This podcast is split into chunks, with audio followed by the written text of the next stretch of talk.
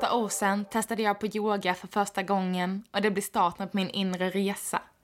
Idag är jag entreprenör och yogalärare. Hej och välkommen till podcasten Landa på mattan med mig Josefin Persson. I denna podden får du möjlighet att lära dig mer om yoga, hälsa och spiritualitet och hur dessa är sammanlänkade. Vi kommer även prata om yogisk filosofi och hur den kan appliceras på vardagen vi lever idag. Nu drar vi igång dagens avsnitt.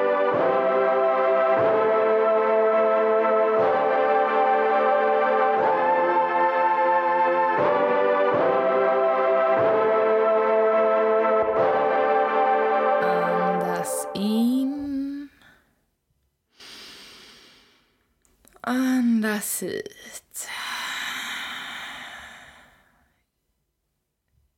Ett andetag. Ett kontrollerat andetag. Och vi tar så många andetag varje dag, även om vi är medvetna om det eller ej. För det mesta så tar vi inte ett endaste medvetet andetag på en dag. Och gör vi det så är det nästan oftare i form av en suck när vi... Och då är det fortfarande inte medvetet. Idag kommer vi prata om pranayama, andningsövningar. Det är det fjärde steget i den åttafaldiga vägen ifall du har lyssnat på det avsnittet. Om inte, så gå in och gör det.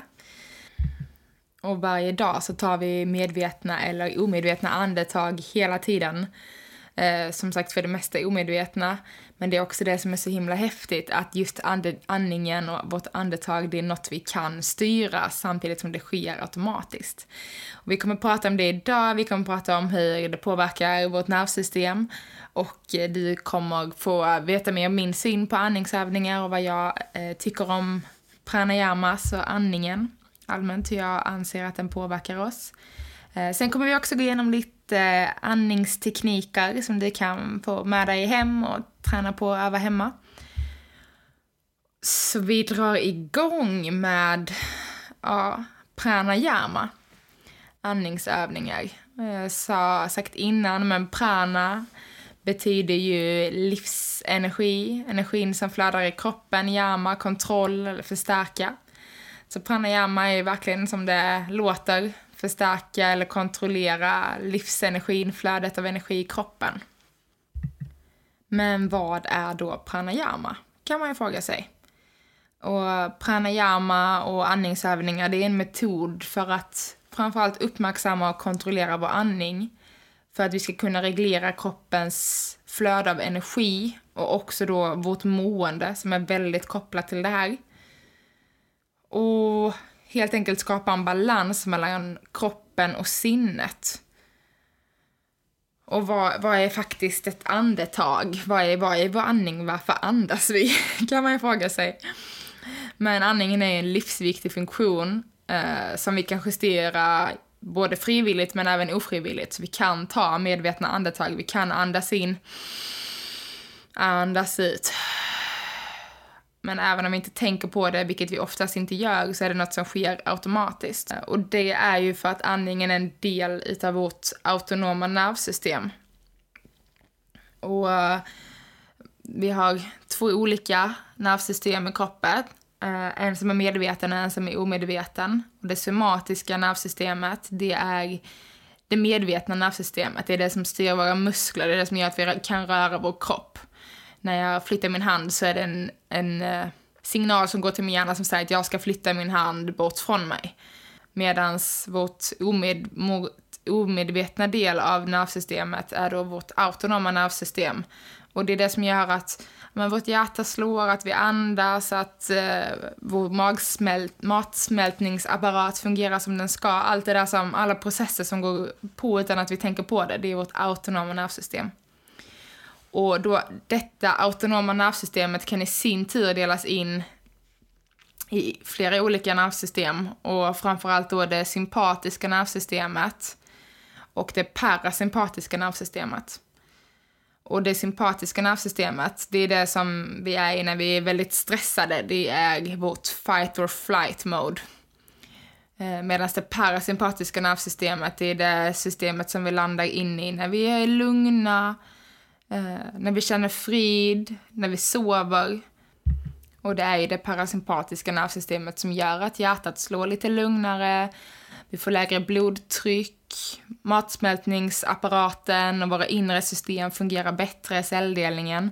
Men när vi är i det sympatiska nervsystemet, när kroppen är stressad, när den liksom ska fokusera på att nu ska jag fly för mitt liv, fast det inte är så, men det är ofta det statet som vår kropp tror att den är i, då har vi mycket svårare, ja då prioriterar liksom inte den att ja, jag ska smälta maten så bra som möjligt, utan då slår hjärtat lite snabbare, vårt blodtryck höjs, och eh, vi utsöndrar flera stresshormoner, adrenalin, kortisol, vilket gör att eh, ja, våra inre system fungerar lite sämre än vad de gör när vi är i lugna och i frid.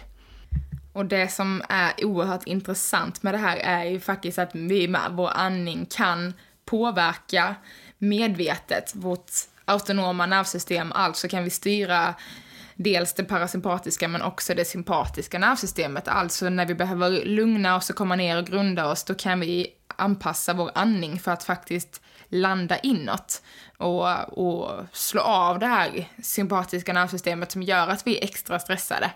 Och det är något vi kan kontrollera med vår andning om vi andas medvetet, vilket är otroligt häftigt och något som vi väldigt sällan tänker på.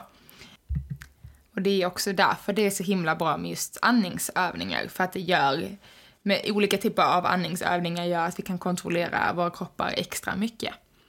Och eh, det är just det här att andningen är kopplad både till kropp och själ och det har rishis, alltså de här yogiska mästarna som skapade yogan, Eh, de har då sedan länge uppmärksammat kopplingen mellan själ och kropp och då framförallt dels via yogapositioner men också väldigt mycket via andningen. Så se ifall du kanske kan ta dig tillbaka till en stund när du var väldigt stressad, kanske lite orolig, även kanske arg, förbannad. Eh, se om du kan bara minnas det lite kort utan att försöka dra upp massa gammalt. Förhoppningsvis har du kunnat släppa det. Men troligtvis var din andning ganska ytlig. Eh, den var ganska så högt upp i bröstet vid den här tidpunkten när du var lite stressad. Eh, men den var också mycket snabb och oregelbunden, troligtvis. Men genom att hålla jämna och stabila andetag så lugnar vi även kroppen och sinnet. Eh, så nästa gång som du känner att du är i den här stressade perioden, du har skitmycket att göra på jobbet och det är, ja, allt är kaos och jag orkar inte mer och liksom andningen är här och det är kanske nästan till och med så att vi håller på att komma in i en panikattack av något slag. Eh, så se om du bara kan stanna upp och ta några djupa andetag. Och det är jättesvårt när man befinner sig i den här situationen för att allt är kaos och jag hinner inte ta några andetag. Och det är exakt då som vi ska ta de här andetagen. För det finns väldigt mycket, alltså inte bara att jag säger det utan det finns supermycket forskning och jättemycket som påvisar att andningen lugnar ner oss. Sen genom att vi fokuserar på vår andning och kontrollerar den så kan vi även kontrollera vårt lugn. Och sen funkar det ju såklart inte alltid, men bara det här lugna andetaget gör att vi fyller på dels extra syre, men också att vi verkligen slår på det här parasympatiska nervsystemet som gör att vi lugnar oss. Som gör att vi kommer in i mer harmoni i vår kropp. Som gör att vi bygger upp och stärker våra celler, våra inre system. Sen anser jag att det funkar faktiskt inte alltid att ta djupa andetag. Eh, om ni lyssnade på förra avsnittet så berättade jag om att jag har också panikattacker och ångestattacker ibland. Och jag försöker alltid ta till mig de här djupa andetagen och landa inåt och ibland kan det liksom ta bort det värsta av en panikattack. Men ibland så behöver det få komma ut ändå liksom och det som sagt kan dämpa det värsta. Men jag har en annan liten egen snickrad filosofi kring det här som jag gärna vill ta upp. Eh, och som jag tror stenhårt på och jag kan inte säga att det här ligger massa forskning bakom utan detta är bara något som jag tror och som jag känner inom sig inne att det är sant för mig. Jag tror att vi går runt och bär på en massa grejer, massa känslor eh, som vi trycker undan hela livet. Vi kanske inte säger ifrån när vi känner att vi borde, vi kanske inte lyssnar på vår kropp tillräckligt mycket, vi kanske inte lyssnar på vår sanning. Vi kanske vill gråta och skrika någon gång men vi bara pressar undan och undan och undan, vi sväljer ner den där klumpen ner i magen.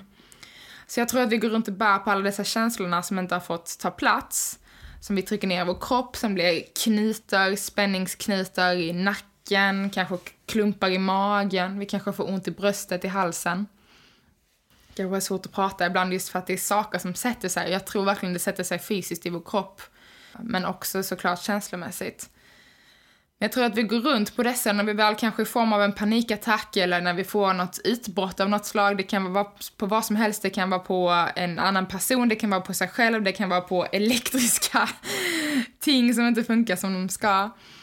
Men jag tror att när vi väl får de här små utloppen av känslor, jag tror att det behöver få komma ut. Eh, just för att då kan vi släppa på det här som vi en gång har tryckt ner i oss, som vi har tryckt undan.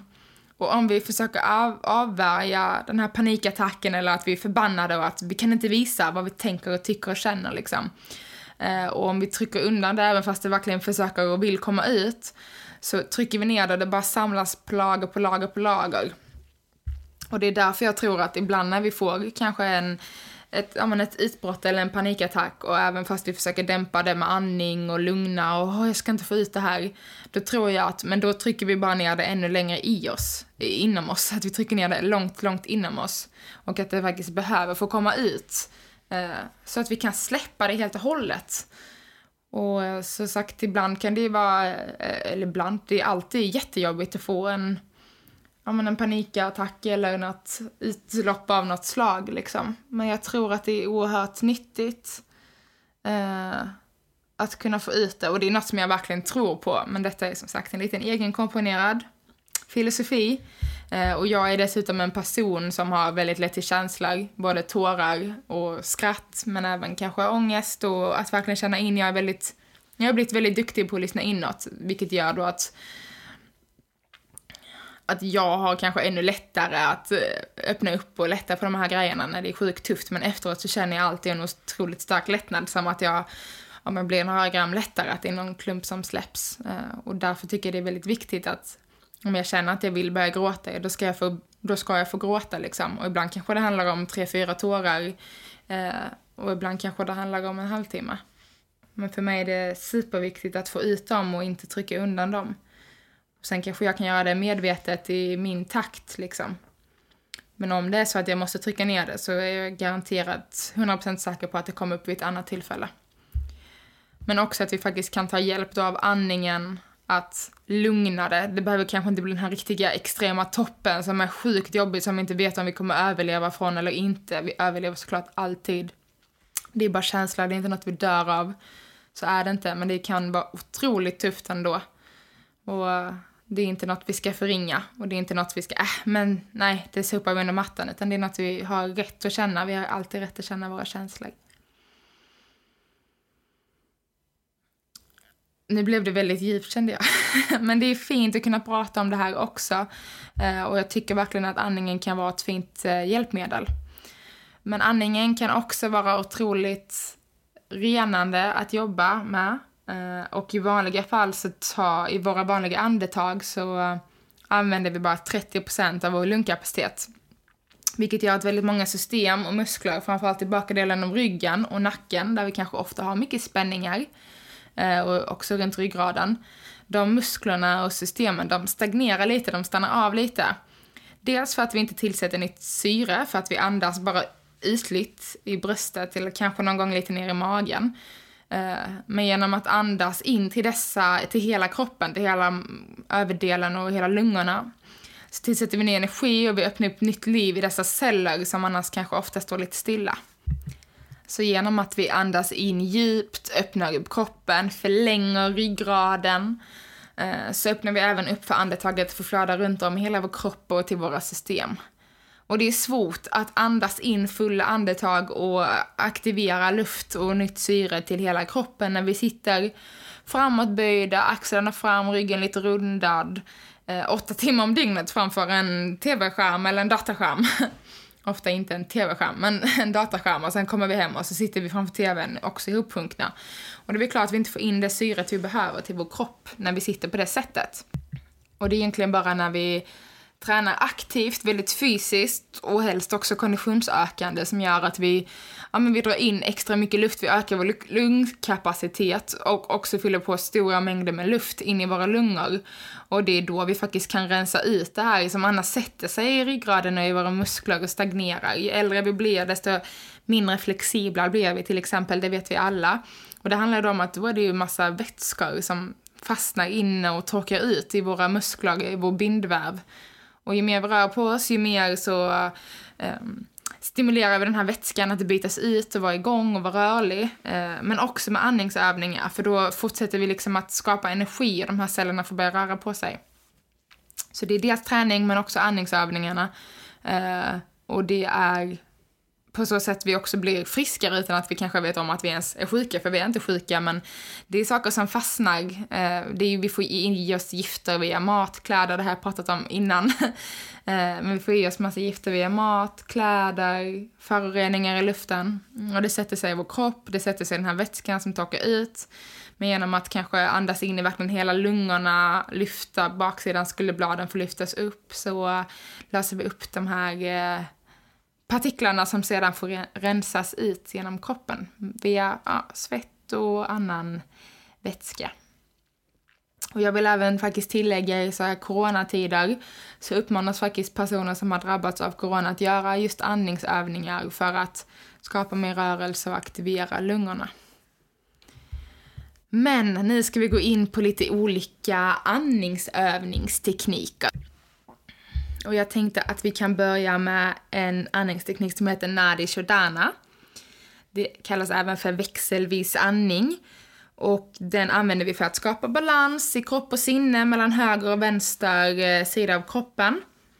Och den går ut på att vi andas in genom ena näsborren, håller andan och andas ut genom andra näsborren. Eh, och jag tänkte att vi kör en liten eh, guidning av den. Så jag vill att du tar tummen och sätter på din, tar tummen på din högra hand. Sätt tummen på din högra näsborre. Andas in genom din vänstra näsborre. Håll andan och täpp för din vänstra näsborre med ditt ringfinger. Andas ut genom högra näsborren. Vi andas in genom högra näsborren. Täpper för med tummen och andas ut genom vänstra. Och så fortsätter vi med den övningen. Så andas in genom ena, håll för, andas ut genom andra och så fortsätter den så. Och man kan också välja om man bara vill andas in genom kanske vänstra näsborren ut genom vänstra. Då är det inte när shadana, men det är också att vi aktiverar vänstra sidan av vår kropp extra mycket, vilket är vår feminina sida, det är vår yin-sida, vår lugna sida, så det kan vara skönt kanske att göra när man, innan man ska sova så kan man bara ta andas in och ut genom vänstra sidan, vänstra näsborren, för att stimulera det. Och om man vill ha mer energi till exempel på morgonen så kan man bara andas in genom högra näsborren för att det är vår yang-sida och mer energisida. Men också att andas in både genom höger och vänster gör att vi balanserar kroppen och tillför mer energi. Jag tänkte sedan att vi går igenom eldandning. Kapalabhati kallas den också. Eh, och den sägs vara väldigt renande och avgiftande. Och tekniken är att vi andas ut väldigt kraftfullt genom näsan. Vi tar hjälp av vår uh, magmuskler och vår bäckenbotten för att pressa ut luften ut genom näsan. Så inandningen är passiv, vi tänker inte på att vi andas in, men det sker automatiskt när vi väl slappnar av i vår mage. Eh, och den används för att dels skapa värme, eh, fokus och ja, klarhet. Det sägs, kalabati betyder också ljushuvud kan man säga. Alltså det sägs att den blir väldigt klar i huvudet. Och om du tänker på att du bara ska andas ut väldigt aktivt genom näsan, jag ska demonstrera, eh, det är väldigt svårt att bara lyssna på det, men se om du bara kan lägga fokus på magen, andas in, fyll upp magen och andas ut, pressa ut aktivt genom näsan. Så det blir som att det blir ett sug in i naveln varje gång du andas ut. Så fokusera bara på utandningen och, och då kommer inandningen ske automatiskt. Och vi kan bli lite eh, dizzy av denna eftersom det är så pass mycket syre som tillsätts på samma gång. Så man kan bli lite yr. Eh, men då är det bara att ta en paus, ta djupa andetag och sen fortsätta. Och vi ska heller inte göra eldandning om vi är på i vår eh, menscykel eller om vi är gravida då det faktiskt aktiverar och stimulerar de musklerna vid livmodern och bäckenbotten otroligt mycket. Så en rekommendation är att inte göra denna andningen då. Motsatsen till eldandning är shitali, alltså cool breathing, vilket gör att vi kyler ner kroppen. Det kan vara väldigt skönt att göra ifall vi kanske är i något varmt land eller sådär. Och då, antingen om du kan rulla tungan ihop så, som till en liksom, ja, du böjer upp den som ett Y ungefär. Jag kan själv inte göra det. Men då kan man sätta tungan precis framme vid tänderna så det biter ihop tänderna så sätter du tungan på insidan av tänderna då. Och du andas då in genom munnen när tänderna är ihop eller tungan rullad, så du andas in genom tungan. Sen stänger du munnen och andas ut genom näsan, så det kan låta lite väsande. Så jag ska se om jag kan demonstrera. Så jag biter upp tänderna, sätter tungan precis vid ja, men, tänderna på insidan och andas in. Andas ut genom näsan, biter ihop, andas in. Och andas ut genom näsan med munnen stängd. Om du testar att göra det här så kommer du känna att det är lite, en liten kylande effekt som kommer eh, i munnen. Och eh, det är också en typ av andningsteknik då för att eh, kontrollera kroppstemperaturen och vår värme, vilket är väldigt häftigt. Och det är samma sak med eldandning, kan göra oss väldigt varma och just det stimulerar energin otroligt mycket. Vi går vidare till eh, Serenity Breath. Och eh, då handlar det om att vi andas in, håller andan, andas ut och håller andan. Och vi gör allting exakt lika lång tid. Så vi testar tillsammans. Andas in. En, två, tre, fyra. Håll andan. En, två, tre, fyra. Andas ut. En, två, tre, fyra. Håll ut. En, två, tre, fyra. Andas in. En, två, ja, och så vidare. Det handlar mycket om att faktiskt hålla andetaget ute och inne och tycker man att fyra andetag är jättelänge så kan man börja med två. Så man andas in en, två, håller en, två, andas ut en, två. Och sen kan man öka uppåt hela tiden med siffrorna. Eh, men det ska aldrig bli så att man känner att man ska hålla andan och det är jättejobbigt, utan man gör det bekvämt för sig. Eh, och det handlar framförallt om att vi ska hitta de här mellanrummen mellan in och utandning. Men det får inte bli ansträngande, det ska inte bli så att vi ska hålla andan ute i åtta sekunder och vi håller på att bli helt blåa och... Utan det hittar liksom ett fint flöde i det som funkar bra för dig. Och vi kan eh, gå in på nästa andningsteknik som heter Samavritti. Sama betyder lika och vritti betyder rörelse. Så det ska, den är väldigt lik den förra. Eh, och då handlar det om att ja, men in och utandning är lika långa. Men vi behöver inte hålla de här andetagen in och ute lika länge, utan det handlar framförallt om att inandningen är lika djup. Och då kanske vi börjar med att andas in, en, två, andas ut, en, två. Andas in, en, två, tre. Andas ut, en, två, tre. Eh, och så fortsätter vi så upp till sex om det är möjligt. Eh, och när vi väl har kommit upp dit, om vi kan hålla andan, eh, andetagen inne ute så länge. Om vi kan andas in och ut så länge, inte hålla andetagen så länge. Utan om vi kan andas in så pass långsamt att vi kan räkna till sex. Eh, andas ut och sen tappar vi ner tillbaka ner till två igen. Och så fortsätter vi upp. Och så går den till. Eh, och se också om du då mellan varje in och utandning bara kan uppmärksamma det här mellansteget som sker, den där pausen som sker precis innan du andas in igen.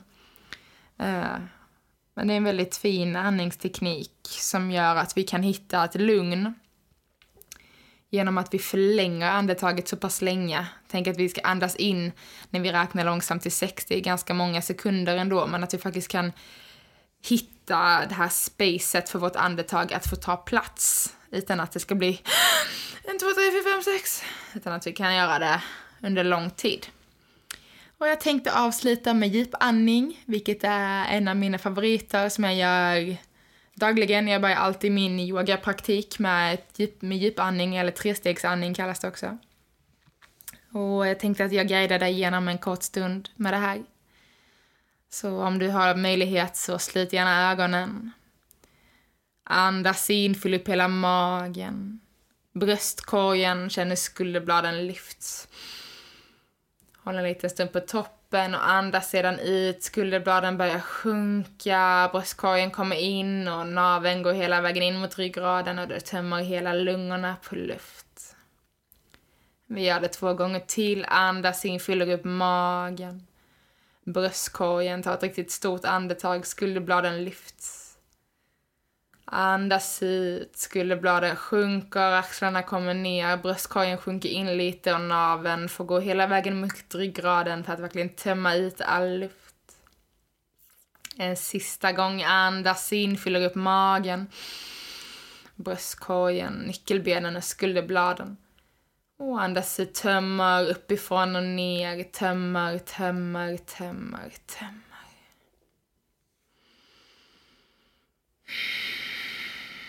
Och det gör mig alltid väldigt lugn det här andetaget. Jag vet att jag i princip använder hela min lungkapacitet när jag gör det, vilket är otroligt energifyllande. Det liksom skapar energi och rörelse i hela kroppen.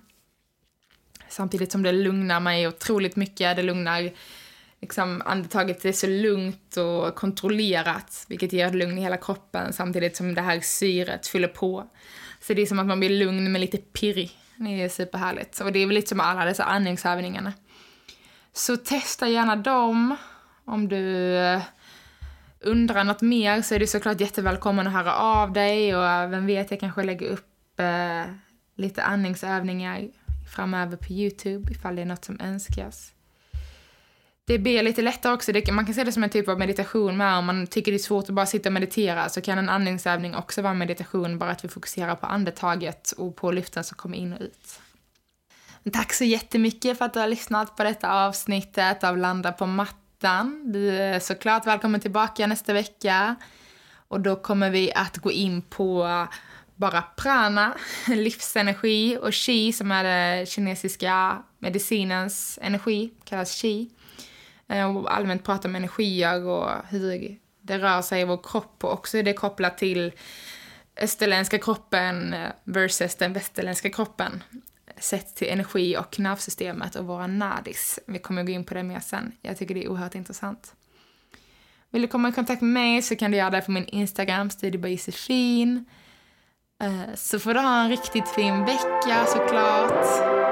Se om du kanske kan ge dig själv en extra stund att andas, och landa inåt. Så ta hand om dig så hörs vi. Puss och kram.